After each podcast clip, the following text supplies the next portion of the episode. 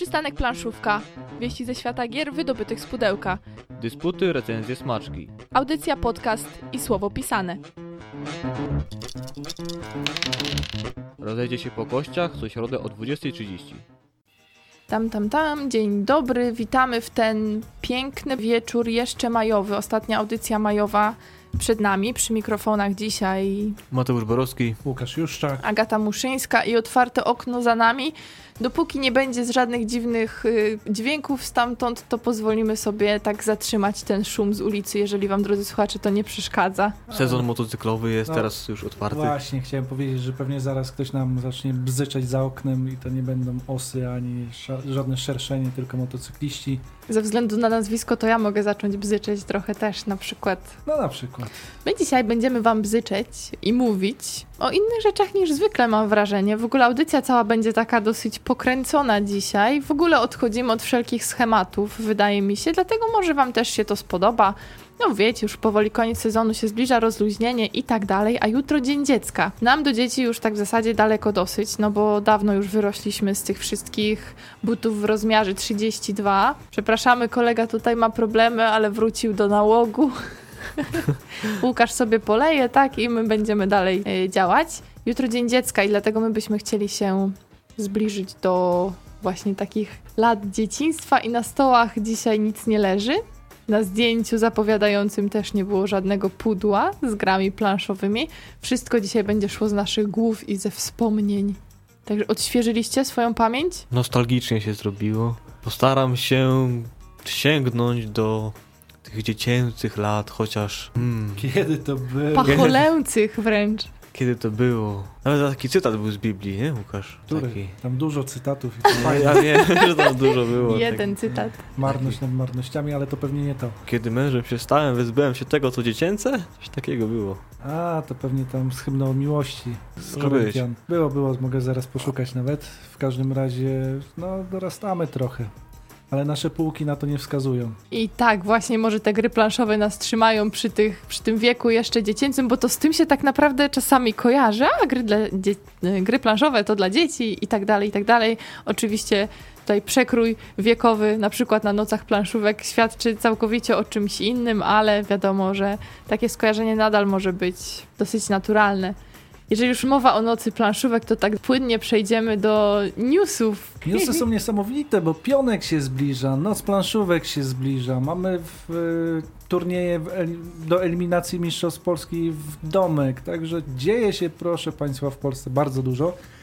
Tak dużo, że ja tak naprawdę po raz pierwszy chyba na audycję przychodzę, nie mając żadnych notatek odnośnie newsów, ale musicie mi wybaczyć, życie mnie trochę przytłoczyło w pracy i nawet nie wiem, co się dzieje w świecie planszówek. Ten tydzień był dla mnie trochę wyciągnięty z życiorysu i pewnie słuchacze są w stanie więcej powiedzieć niż ja, ale to też wzbudza taką refleksję, że pędzimy, pędzimy, pędzimy i to zarówno tak w świecie codziennym, jak i w świecie planszowym.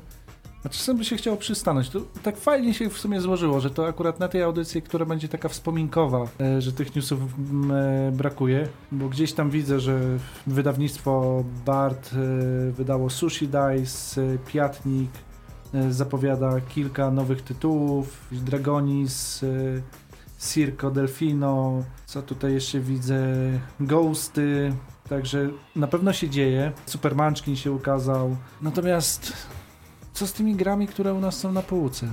Co z y, grami, które recenzowaliśmy? Kiedy my do nich wrócimy? Jest taki nurt w żywności y, slow food, który polega na tym, żeby kultywować taką tradycyjną, y, lokalną kuchnię, potrawy samemu wytwarzane.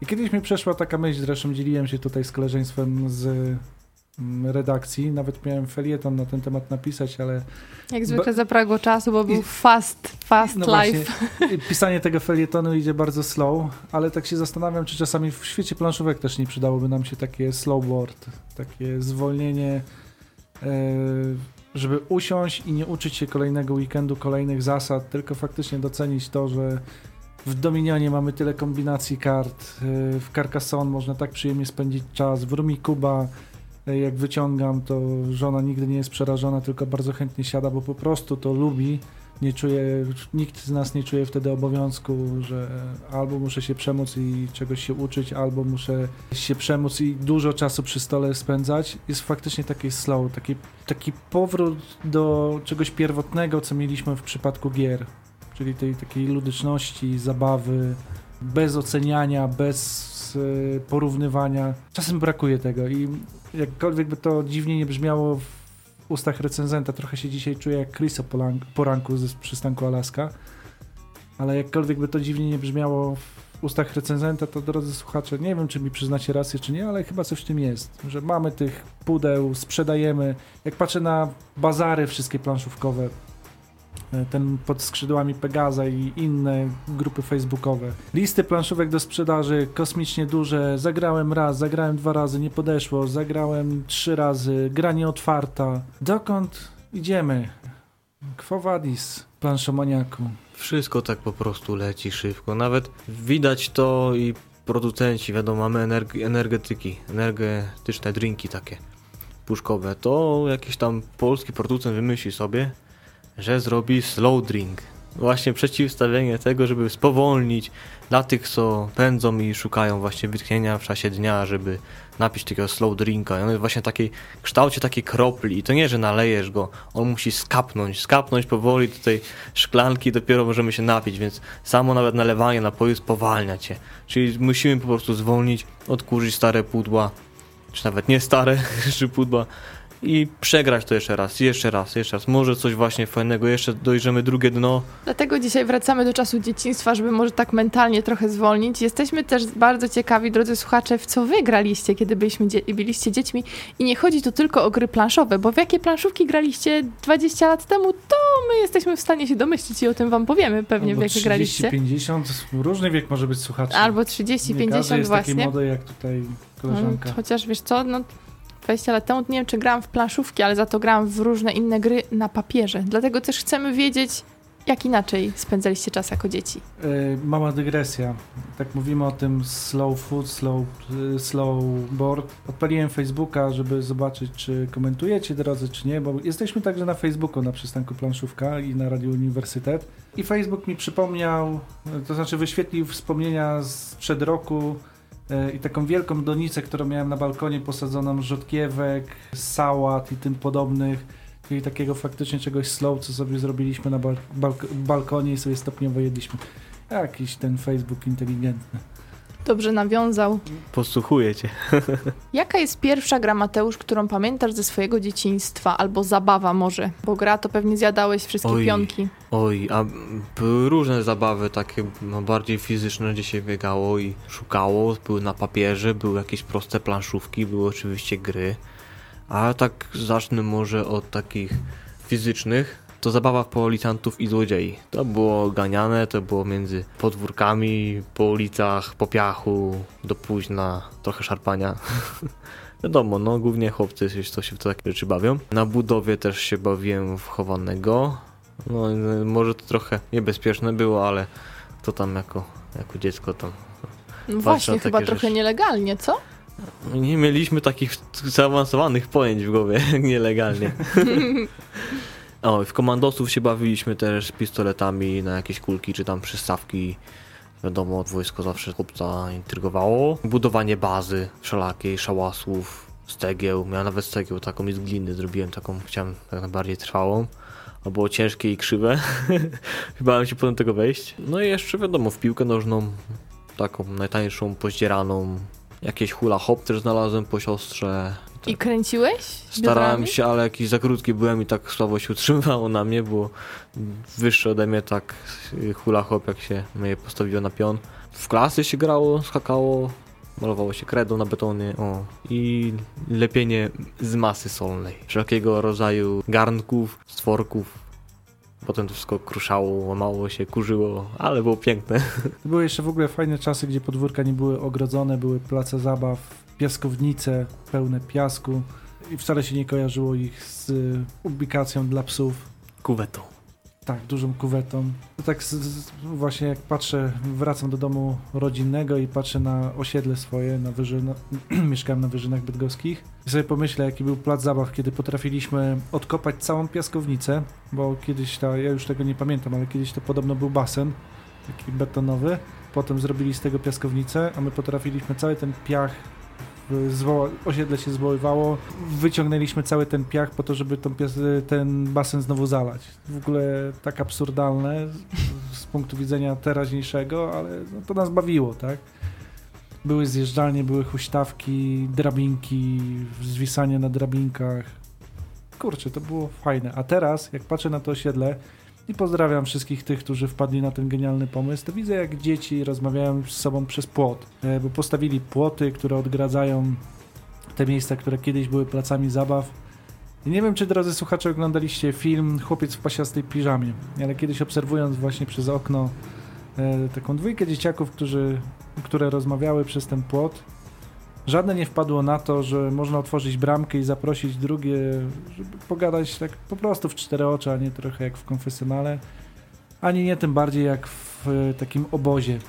Ja przyznaję, jestem socjologiem i jak to, to takie, nie, nie mylić socjopatą, ale gdzieś zostaje to takie myślenie, gdzie gubimy to społeczne, e, bo to osiedle to było takie miejsce naturalnych spotkań.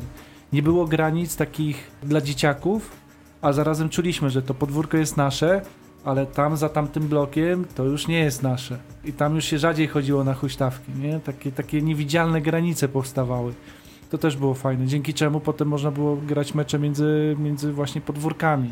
Tak jak Mateusz wspominałeś, że w piłkę się grało, wtedy się dużo grało w piłkę. Tak jest. I w takie wieczory i popołudnia jak te, to błagało się, żeby móc zostać na podwórku i fajnie jak ten plac zabaw jeszcze był pod oknem, bo wtedy mama widziała i ewentualnie pozwoliła trochę dłużej zostać, a można było zostać, no nie wiem, już później to chciało się nawet do 22, bo przecież przed 22 jeszcze było jasno. Ale a propos osiedli, to my nawet robiliśmy sobie podchody jeszcze i tam strzałeczki rysowane po chodnikach w najróżniejszych miejscach. Też się kilometrów robiło wtedy pewnie biegając, bo jak ktoś chciał zmylić i tam te strzałki gdzieś wyprowadzały w pole, no to trzeba było potem nadrabiać. To była również świetna zabawa. I to mhm. cały czas wszystko aktywnie. Nie będziemy no teraz mówić tak jak. No, teraz nie ma w ogóle aktywności, znaczy teraz jest siedzą aktywność. przy kąpach. Nie? No, no nawet to jeżeli, chodzi, nie? Nawet jeżeli siedzą, to ta aktywność jest, tylko tą aktywność trzeba trochę stymulować. U nas tą mhm. aktywność trochę stymulowało to, że chociażby nie mieliśmy takiego dostępu do planszówek jak teraz. Teraz siedzimy z dubskami w domach i gramy po tak. prostu w gry. Natomiast kiedyś, kiedyś tego nie było. Jak sobie przypomnę planszówki, próbowałem sobie przypomnieć jakieś konkretne planszówki, które miałem w domu, jako taki już faktycznie malutki, malutki berbeś to nie jestem w stanie odpowiedzieć. Pamiętam, że kiedyś ciotka przywiozła taki zestaw gier z Niemiec, e, ileś tam w jednym pudle, tylko z tym zestawem zawsze był jeden problem. Instrukcja była po niemiecku. I nawet jeżeli była gra, która wiedzieliśmy, że jest wyścigami, wyścigami konnymi, to nie wiedzieliśmy, co oznaczają te pola, które tam po drodze były. A czasy, to były czasy jak na bydgoskim chemiku jeszcze ta giełda miała jakiś sens. Na koronie też były sprzedawane różne takie dziwne rzeczy, właśnie przywożone chociażby z Niemiec jakieś czekoladki, nie czekoladki, puzzle, jakieś proste gry. Jednak Niemcy ten rynek gier mieli też trochę szybciej rozwinięty niż my, zdecydowanie szybciej nawet. No ale mówię, to nie były żadne tytuły, które zapadały w pamięć. Pamiętam na przykład, że potrafiłem nawet sam sobie rozkładać gry i grać sam ze sobą na zasadzie dwóch pionków, który pierwszy dotrze do celu, jak już nie miałem z kim grać. Czyli ta chęć grania mimo wszystko była, ale nie było czegoś, co by utkwiło w głowie tak, że wow, to było z mojego dzieciństwa, nie? Mi akurat utkwił Eurobiznes, z którego teraz na pewno wszyscy się śmieją. Teraz kojarzą już może z Monopoli, gdzie można płacić kartą, ale stary, dobry Eurobiznes, umówmy się, on miał banknoty. Banknoty były takie, ja miałam takie chyba brązowe pięćsetki, Dwudziestki na pewno były niebieskie i one były takie śliskie w tym wydaniu, które ja miałam, bo pozostałe były takie, miały taką normalną strukturę. Natomiast dwudziestki były śliskie. Potem po latach te hotele, domki, banknoty się pogubiły. Plansza była już w dwóch częściach, ale no pamiętam to jak dzisiaj, że ta gra była tak w zasadzie zawsze nie, grą niedokończoną. Bo nigdy nie było tak, że ktoś albo zbankrutował tak na stałe, albo coś, bo te zasady też często były naginane. I ewentualnie gra, znaczy ostatecznie gra kończyła się wtedy, kiedy po prostu nam się znudziło ale idziesz do więzienia, przechodzisz przez start, no to wtedy było bardzo ekscytujące, gdzie teraz by się pewnie już powiedziało, matko, no ile można w to grać, to w ogóle nie ma sensu. Poza tym no Monoto- Monopoly to już jest taka marka, że w zasadzie już się, już w tylu odsłonach możemy grać w Monopoly, że to bokiem wychodzi czasami. Dlatego to wspomnienie Eurobiznesu jest jeszcze lepsze. Eurobiznes teraz na Allegro chyba za 30 zł można kupić. Jeszcze miałem Fortunę, nie wiem czy kojarzycie, Fortuna była w kwadratowym pudełku. Schemat ten sam, ale trochę, trochę inaczej wyglądała i faktycznie gdzieś na półce, nie wiem czy nawet u rodziców w domu bym nie znalazł tego. Też był klasyk. Drodzy słuchacze, graliście w Fortunę, jeżeli tak, to proszę nas ratować jakimś zdjęciem, może Właśnie. gdzieś... A tak wracając jeszcze do gier, to też kolejna gra, z której teraz wszyscy się śmieją, czyli Chińczyk. To była gra, w którą z babcią namiętnie grałam podczas wakacji w domku letniskowym, to wieczorami również, jednocześnie zabijając komary i patrząc jak tam pająki wychodzą na kolację. To było jedno hasło, człowieku nie irytuj się. Mhm. Trudno było się nie irytować. Radości było mnóstwo, równie dużo złości przy tym. Ja myślę, że ja teraz bym chętnie też porzucała, chociaż no ile raz może bym zagrała? Maksymalnie. Znaczy, słuchacze tego nie widzą, ale y, nieświadomie zrobiłem wielkie oczy. Podniósł brew, spojrzał z takim niesmakiem. Z przerażeniem wręcz. Znaczy ja wiem dlaczego ta gra może się podobać, szczególnie tym młodszym graczom, ale może w nostalgii też starszym. Natomiast co jak co, ale do Chińczyka to mnie namówić będzie bardzo Mhm. ciężko. Nie no, to nie jest gra, do której by się chciało wracać. Mi bardziej chodzi o ten sentyment sam do tego i do tych emocji, które były wtedy, no bo teraz, no to wiadomo. Tylko ten że sentyment jest dość nie- niebezpieczny. Mhm. Zobaczcie, nie wiem czy mm, w dzieciństwie mieliście kontakt z magią i mieczem. Nie i chyba coś nas ominęło. Magią i mieczem jest taka historia, że wielu z nas wspomina. Faktycznie gdzieś była taka duża gra, się chodziło postaciami, to było coś takiego epickiego wtedy. E, I po wielu, wielu latach część osób powraca, bo pamięta, że graliśmy w Magię Miecz, potrafiliśmy całą noc spędzić. Myślę, że dlatego też Magia Miecz się tak dobrze sprzedawała i sprzedaje. Natomiast e, kiedy się siada do tej gry, często przychodzi taki zawód. Kurczę, rzuć kostką. Prawo, lewo, spotkałeś potwora. Rzuć kostką za siebie, rzuć kostką za potwora. Przegrałeś, możesz rzucić jeszcze raz, bo masz żeton szczęścia, czy tam losu. Rzucasz znowu kostką. Może wygrałeś, może nie. Kolejka następnego gracza. Co robi następny gracz? Rzuca kostką. Potem znowu rzuca kostką. I znów rzut kostką. I decyzja prawo-lewo tak naprawdę nie daje tej satysfakcji. Znaczy, jedni po prostu toną w tej grze, biorą w- dodatki, potrafią faktycznie wejść w ten świat. Dla mnie to jest Chińczyk na sterydach. Chińczyk na sterydach to również Hexentans, czyli taką graliśmy mm, wersję jakby Chińczyka z twistem. Niemieckie to było wydanie, czarownice i myk cały polega na tym, ten twist, że nie wiadomo potem po chwili w sumie kto jakim pionkiem jedzie. Bo to są takie czarne kapelusze, Czarne które tylko kapelusze. pod spodem mają kolory, więc wyruszasz jakby ze swojej bazy, ale po drodze zbijasz inne i tak dalej. I nie wiesz na potem którym pionkiem się ruszasz i liczysz na to, coś jak w OWO, o, liczysz na to, że trafisz swoimi do swojej bazy, a musisz być pewnym i do końca tak na końcu jest. Wygrałam w to po chyba sześciu innych tytułach o trzeciej w nocy, więc do tej pory jestem z siebie dumna. Ale bardzo, bardzo fajna, no taka niszczycielska gra na sam koniec. Mm, A muszę wam powiedzieć, że, bo to też tak na pamięć trochę to Hexendance, Tanze, tak? To z niemieckiego. Tans, tak, Hexe to będzie czarownica. ale to troszkę właśnie memory już w tym, ale też memory ja znam od dziecka i to dlatego, bo z siostrą miałyśmy taką fajną grę, chyba dostałyśmy na gwiazdkę, która się nazywała Butik, więc były takie same ładne panie i takie krążki, gdzie były ubranka i się odgadywało i dwie pary trzeba było znaleźć, no to było wtedy takie ekscytujące, jak się miało taką damę przed sobą, się ją tam ubierało, wiecie, majteczki, tutaj wszystko.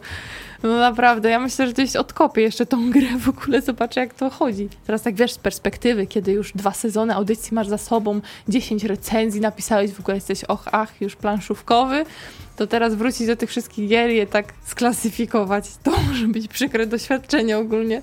Na czym ja zmarnowałem dzieciństwo, tak? No nie wiem, a na czym zmarnowałeś? Ja na takie- butiku. A ja mam ten problem, że nie mam czegoś takiego, żebym pamiętał. Wiem, że w domu miałem taką grę quizową i do tej pory nie lubię gier quizowych, czy Pan Bóg, Pan Brodę. Kiedyś ten. I nigdy w nią tak naprawdę nie, zagra, nie zagrałem, co najwyżej pytania e, quizowe człowiek przeglądał. E, Były też gry, od, od których człowiek zawsze się odbijał, w sensie takim, że jakiś Grunwald, coś takiego, wojenna gra, która instrukcję miała tak niezrozumiałą. Pamiętam, że kiedyś brat to przyniósł. Nie wiem, czy on też w to w, kiedykolwiek zagrał. E, jak to gra wojenna, no to e, masa jakichś żetoników, plansza niezbyt atrakcyjna. Gra może nawet była grywalna, ale instrukcje zabijały. I zresztą to był chyba znak tamtych czasów, że po pojawiały się gry, w które nie zawsze było wiadomo jak zagrać. Jeżeli nie miało się dużo samozaparcia w sobie, to się prze przegrywało z grą.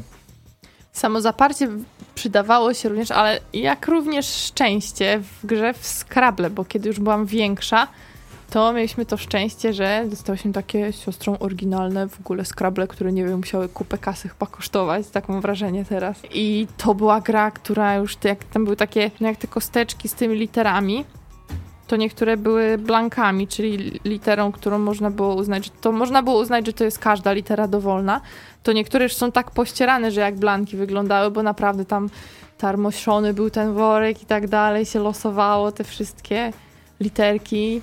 Jak już się udało z polskimi znakami coś ułożyć jeszcze na bonusie, to już od razu To ja coś miałem, wygrana. miałem podobnego. Chyba taki tytuł był, nawet literaki. Mhm. Coś podobnego jak Scrabble. Otarłem się o to. Nie miałem egzemplarza, ale no udało mi się w to zagrać. Miałem dość marny zasób słów, jak na tamte, jak na tam, To trzeba teraz wypróbować. No ja właśnie do teraz tak mam, że e, jak z żoną usiedliśmy sobie do Scrabble tak trochę z sentymentu. U mnie kończyło się na dwu, trzy literowych słowach, co doprowadzało do szewskiej pasji basie, także nie przepada z, za grą w Scrabble ze mną. No to muszę was sprawdzić kiedyś przy okazji, może weźmiemy na audycję, tylko dużo nie można, co dużo można powiedzieć, skalowanie, regrywalność w Scrabblach na przykład i takie sprawy, no nie wiem, czy słuchaczy by to interesowało. Albo w grzybobraniu na przykład, bo ja też grałam w grzybobranie. Ja gra- grałam we wszystkie gry, wychowałam się na wszystkich grach, które teraz są po prostu zjeżdżane totalnie. Ale grzybobranie, mistrzostwo, wbijanie grzybków w planszę, zbieranie tych grzybków, no super, nie? No, a z kolei szachy. Ojciec mnie nauczył szachy grać i w sumie tak mało innych graczy znalazłem do szachów. Było dość dla mnie to ciężkie, musiałem sobie często przypominać właśnie e, specyfikę poruszania się poszczególnych e, figur. Dodatkowo jeszcze kupel pokazał mi swego czasu warcaby, chociaż nie za bardzo, jak miałem porównanie, porównywałem bardzo szachy i warcaby ze sobą. Nie miałem jakoś tak wzięcia do tych warcab, pierwsze jakoś mnie to irytowało, jak zrobiła się damka, tak? I Mhm. wtedy można było szaleć po planszy, bardzo mnie, mnie to irytowało, bo... To jeszcze zależy jakie zasady, pierwszy. bo jedni pozwalają, e, jak bijesz damką, żeby dojechać na przykład do końca planszy, a inni, że musisz stanąć zabitym pionem i to jest wtedy ciekawsze, bo można specjalnie podpuchy robić. Najpierw poznałem warcaby, potem tylko liznąłem trochę szachów, przez co te warcaby zawsze są dla mnie takie bardziej kuszące. Do warcab chętnie bym wrócił. Bo to wygoda umysłu, bo już znasz to i tak dalej. To jest to slow game. No, trochę głupszy jestem po prostu. No. I lubiłem bardzo grać w kości.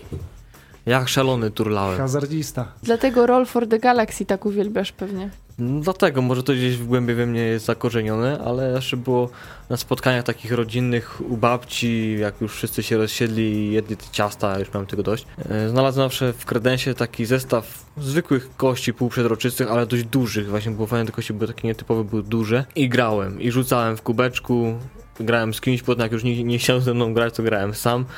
I na, na notesie pisałem ile wrzuciłem, tam kareta, poker, mały street, duży street i sam sobie rzucałem te kości, mnie tak bawiło.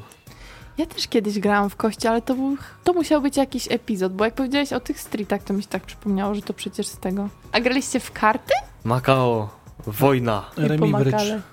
Remi Bridge.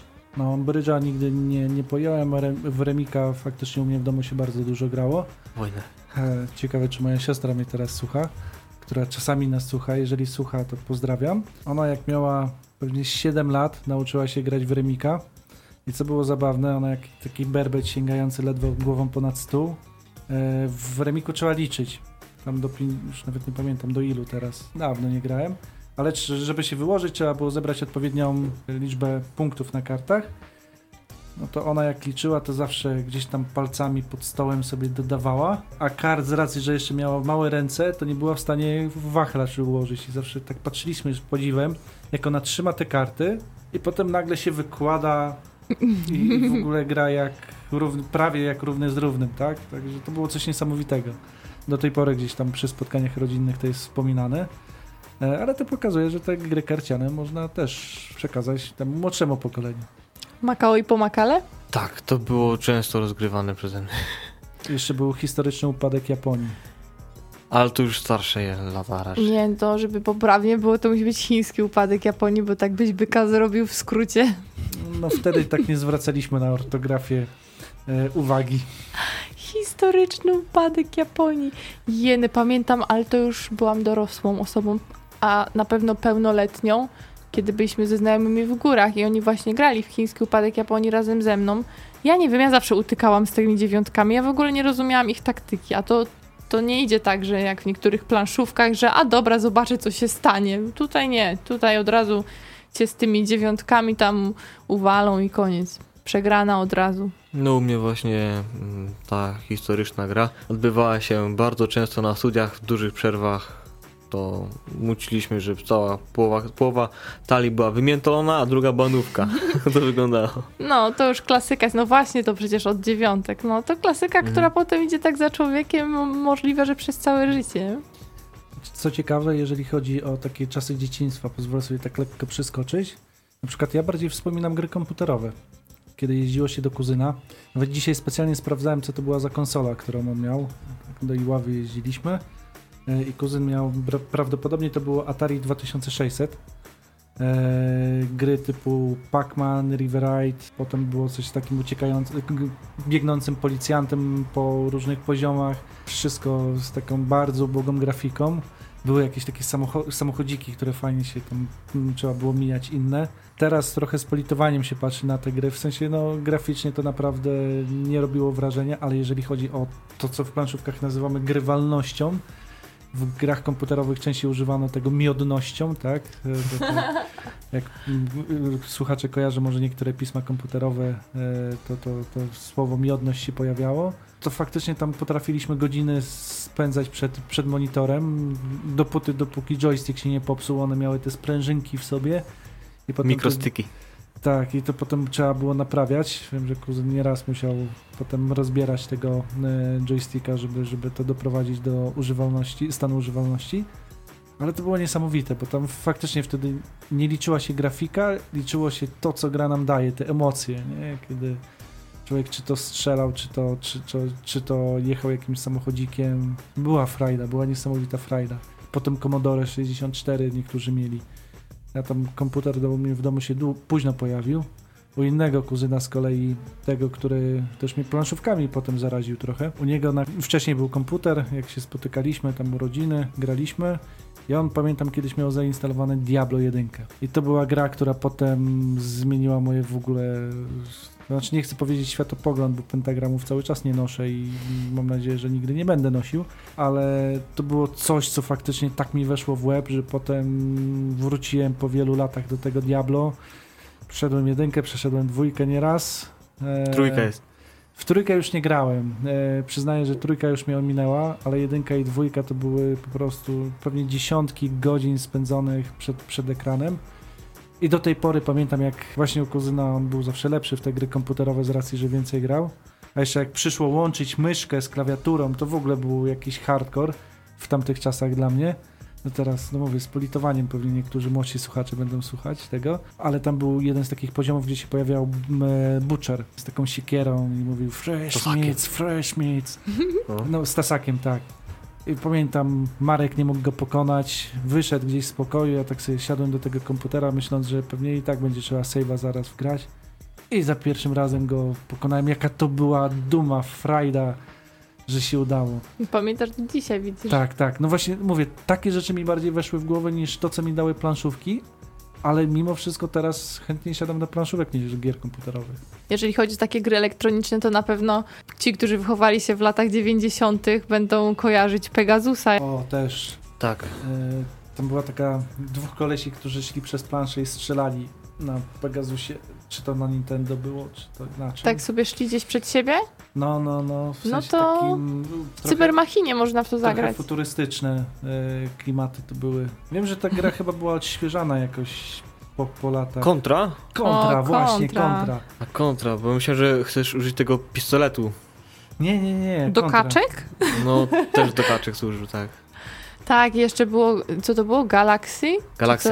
Galaxia. Ostatnio też graliśmy to w, w Cybermachinie, także do Pegasusa można się cofnąć całkiem namacalnie i sobie go w Bydgoszczy y, do Cybermachiny podotykać. Natomiast ja pamiętam z dzieciństwa tego Pegasusa i te joysticki, czy jakoś inaczej to się nazywało, bo to nie był taki joystick do złapania, tylko taki płaski. Pad.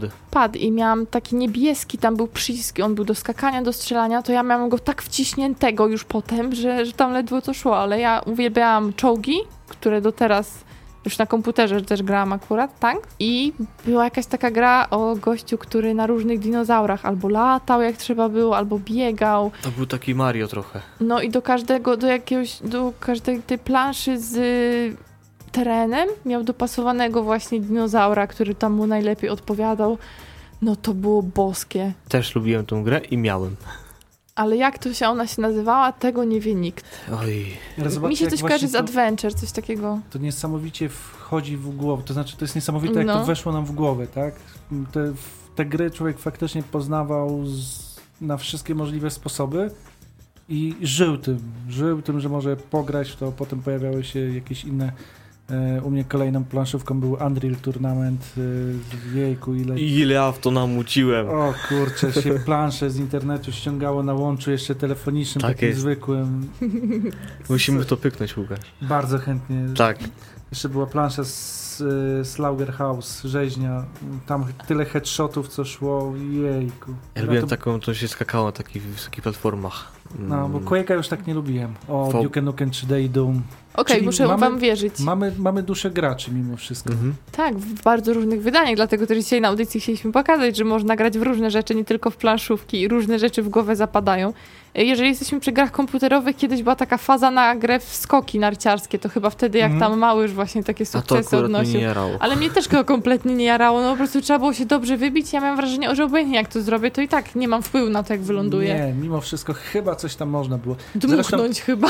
Zresztą skoki narciarskie były grą planszową. Wyszła gra planszowa skoki narciarskie i bodajże Adam Kałuża ją e, stworzył, tylko jakoś ona większej popularności nie zyskała. Nie wiem, czy to była kwestia tego, że coś tam e, tarcie nart było złe czy coś, ale taka zręcznościówka gdzieś nas...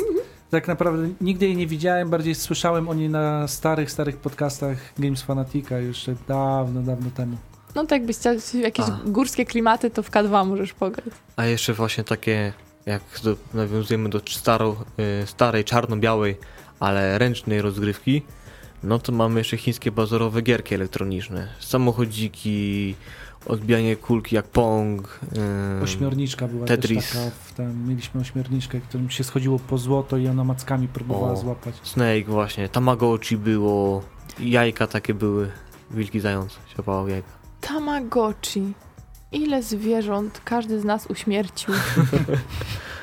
Amigę 600 posiadałem. O, to była petarda. To był taki skok z Pegasusa na coś więcej. To były dopiero gierki. Wtedy, wtedy joystick dopiero pękał. A pamiętacie taką grę, kiedy kciukami naciskało się, to było na wodę chyba. I tam była jakaś dźwignia, że trzeba było Nie. kulkami okrągłymi na taki Pompka. pal nadziać. Powietrze. Po prostu pompka? No. Aha. Tak. Mhm. Myślałam, że to woda tam była, to nie Znaczy było woda wody. była, ale chodziło o to, żeby wtłoczyć powietrze, które podnosiło Te te, kółeczka, takie ringi, takie ringi No. na takie szpigulce. Ja właśnie lubię radio od tej strony, że ja widzę, co wy robicie, jak mi to tłumaczycie i wymachujecie rękami. Niestety słuchacze tego nie widzą, Zapraszamy do studia. ale zapraszamy do studia, jeżeli ktoś chciałby. A w co wygraliście, drodzy słuchacze, możecie do nas pisać na Facebooku. My chętnie też y, powiemy na audycji o tym. Ale zobaczcie, to znowu tak sentymentalnie spojrzę. W tamtych czasach, nawet jak się grało w gry komputerowe, to się spotykało z ludźmi. Biorąc pod Nie uwagę, było że... gier solo. Nie, no Znaczy- były. Nie, no były, ale chodzi o to, że przez to, że mało kto miał komputer, przynajmniej no jak ja byłem grzyrem, trochę starszy od was jestem mimo wszystko. No, jestem, jestem. No tam z 4 lata, no nie przesadzaj. Eee, mało kto miał komputer, więc ten, kto miał komputer, był trochę takim wyżej na osiedlu i zawsze się- do takiej osoby chętnie chodziło. E, I to też było miejsce spotkań. I to takich fizycznych spotkań, w sensie, że siedzieliśmy razem w jednym pomieszczeniu, potem ktoś wymyślił internet i nagle ludzie zaczęli siedzieć oddzielnie, tak? Mimo, że cały czas grają w multiplayer, no to oddzielnie. A to jak się grało w połączony na, na, na jednym ekranie w dwie osoby, to też była niesamowita frajda. Nie? Ale teraz to wraca, bo zauważyłem, że jest multum gier multiplayer, po prostu podstawą teraz no, w większości gier jest multiplayer tryb, żeby grać z kimś on, online, ale gracze domagają się właśnie tych starych gier typu split screen, że Mhm. dwie osoby grały na jednym ekranie, jakieś wyścigi były, czy jakieś tam um, bijatyka, takie właśnie, znaczy to ma dom, domena konsol, ma coś takiego, że większość jest takich kooperatywnych na jednym ekranie niż na samym komputerze, jeśli chcemy już pograć, głównie, głównie multiplayer. Czyli ta potrzeba bycia z drugim człowiekiem mimo wszystko jest. Jesteśmy zwierzętami stadnymi. Nie sposób się z tym nie zgodzić. Dla mnie jeszcze bardzo stadną grą było granie w państwa miasta. To zawsze z małą namiętnie pykałyśmy. Na przykład na, na Y był czasami kłopot. Bierki były bardzo stadne. O nie, bierki. Ja mam traumę po bierkach, nigdy nie umiałam tego jakoś wyjąć porządnie, żeby A one- pchełki? Też nie. Kółko, to, to, krzyżyk? to nie te, nie te klimaty. A w statki? Graliście w statki? Tak No, jak już statki się to długopisem? grało. No, to tak.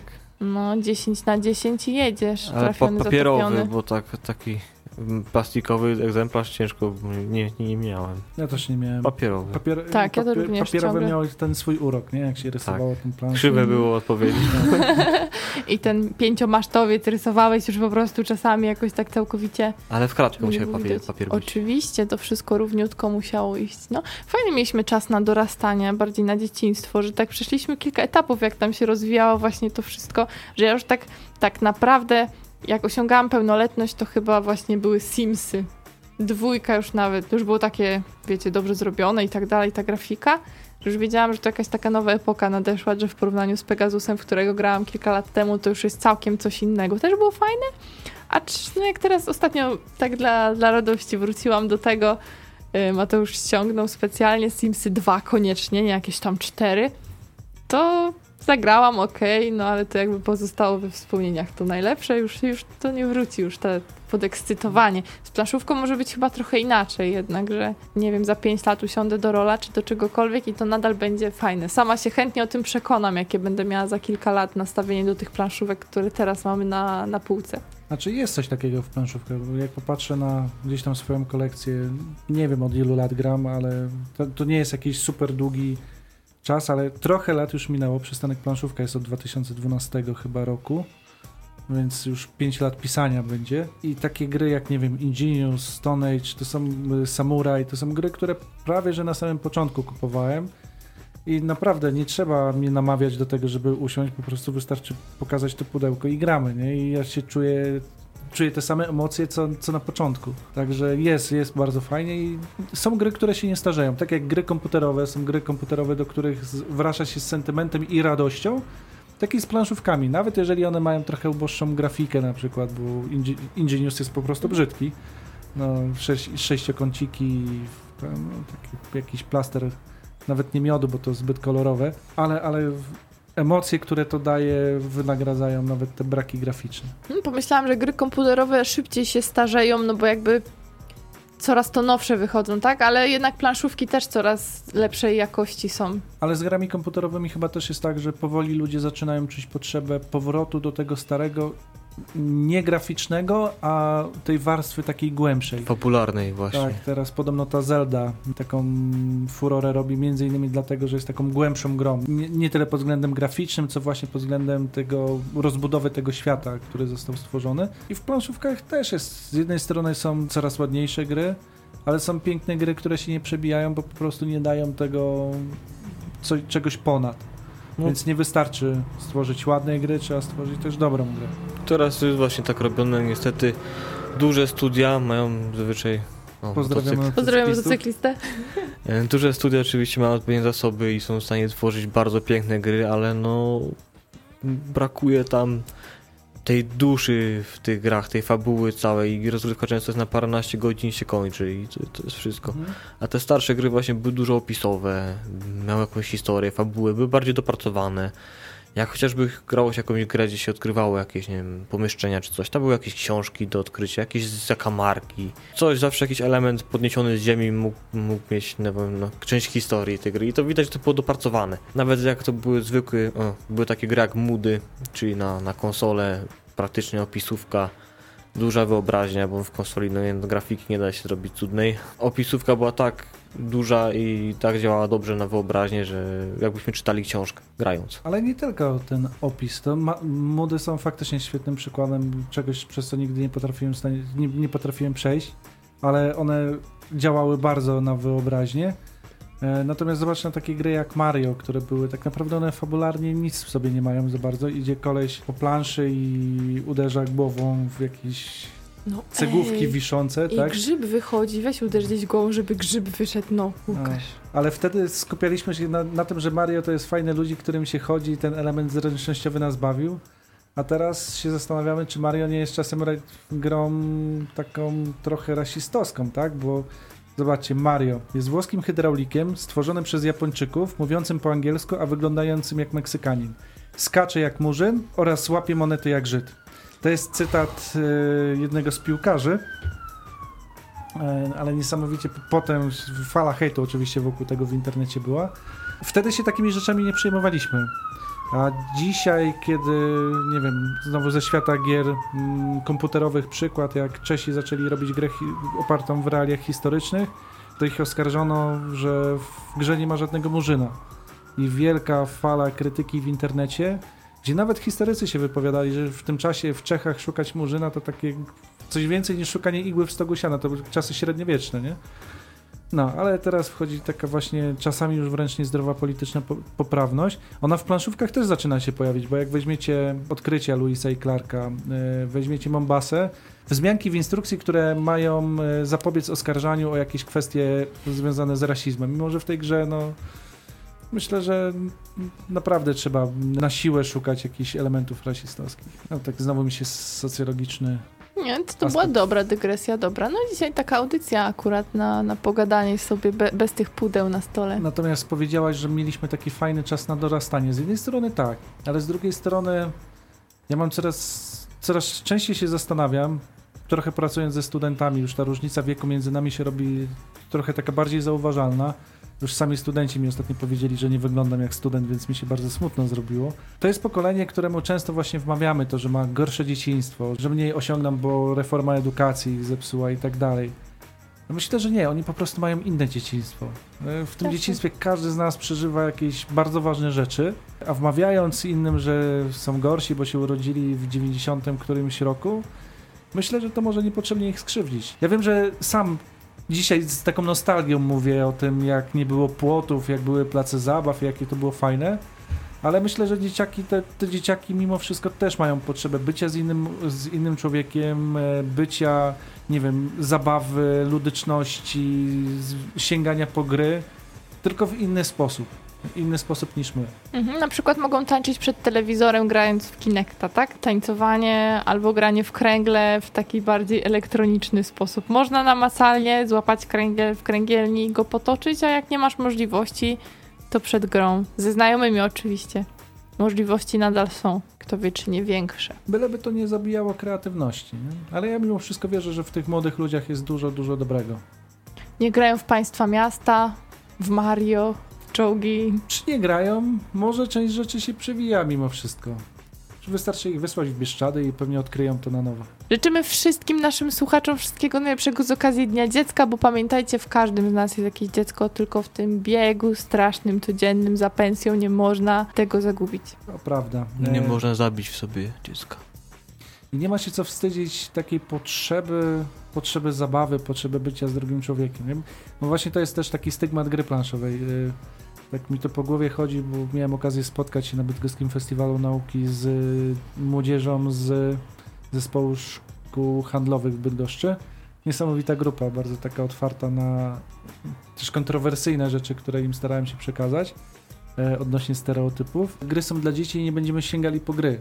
To cały czas w naszym społeczeństwie pokutuje. Ten stereotyp jest bardzo silny. Po części przez duże imprezy udaje się to przełamać. Planszówki na Narodowym, Noce Planszówek, Pionki, jakieś konwenty. w, tej, w tą stronę już zrobiono dużo dobrego, ale jeszcze, jeszcze dużo pracy przed nami, żeby pokazać, że a, gry nie są tylko dla dzieci, b, gry nie są zabawą dla snobów, którzy mają nagle regał 500 planszówek i się chwalą tym, że zamiast kupić e, dobry samochód, mają na półce ilość gier odpowiadającym dobr, dobremu samochodowi, bo nie o to chodzi. Nie, nie, nie budujmy hobby prestiżowego, takiego ekskluzywnego, zamkniętego. Pokazujmy, że gry są. One mają cały czas ten charakter, właśnie jaki miały w dzieciństwie. Możemy się spotkać, nawet jeżeli więcej przy nich móżdżymy, nawet jeżeli nasze komórki parują i stajemy się mistrzami ekonomii przy, gry, przy grze, to mimo wszystko gdzieś pod tą warstwą jest ta warstwa ludyczna, zabawowa i ona jest niesamowicie ważna. Amen. Jeszcze dwie audycje w tym sezonie przed nami i przed wami, mamy nadzieję. Dzisiaj była 48, więc słyszymy się jeszcze za tydzień i za dwa tygodnie i na 50 audycji zakończymy sobie drugi sezon, także nie wakacjujcie jeszcze. Pamiętajcie o nas, żeby włączyć sobie o 20.30 w środę Radio Uniwersytet albo odsłuchać nas potem na YouTubie, a potem damy wam odpocząć oczywiście i będziemy sobie grać. Jakby kto pytał, co się z nami dzieje. Dziękujemy za dzisiaj. Jeszcze raz wszystkiego dobrego z okazji Dnia Dziecka. Zróbcie dla siebie coś miłego jutro, albo takiego, żeby to wasze wewnętrzne dziecko ucieszyć. I nie zapomnijcie, jeżeli macie już swoje pociechy, e, nie zapomnijcie, że można im w tym dniu kupić jakąś nawet małą planszówkę i faktycznie usiąść przy stole analogowo i świetnie się z nimi bawić. Bo potem może będą to wspominać, tak jak my dzisiaj wspominaliśmy podarte Eurobiznes na przykład.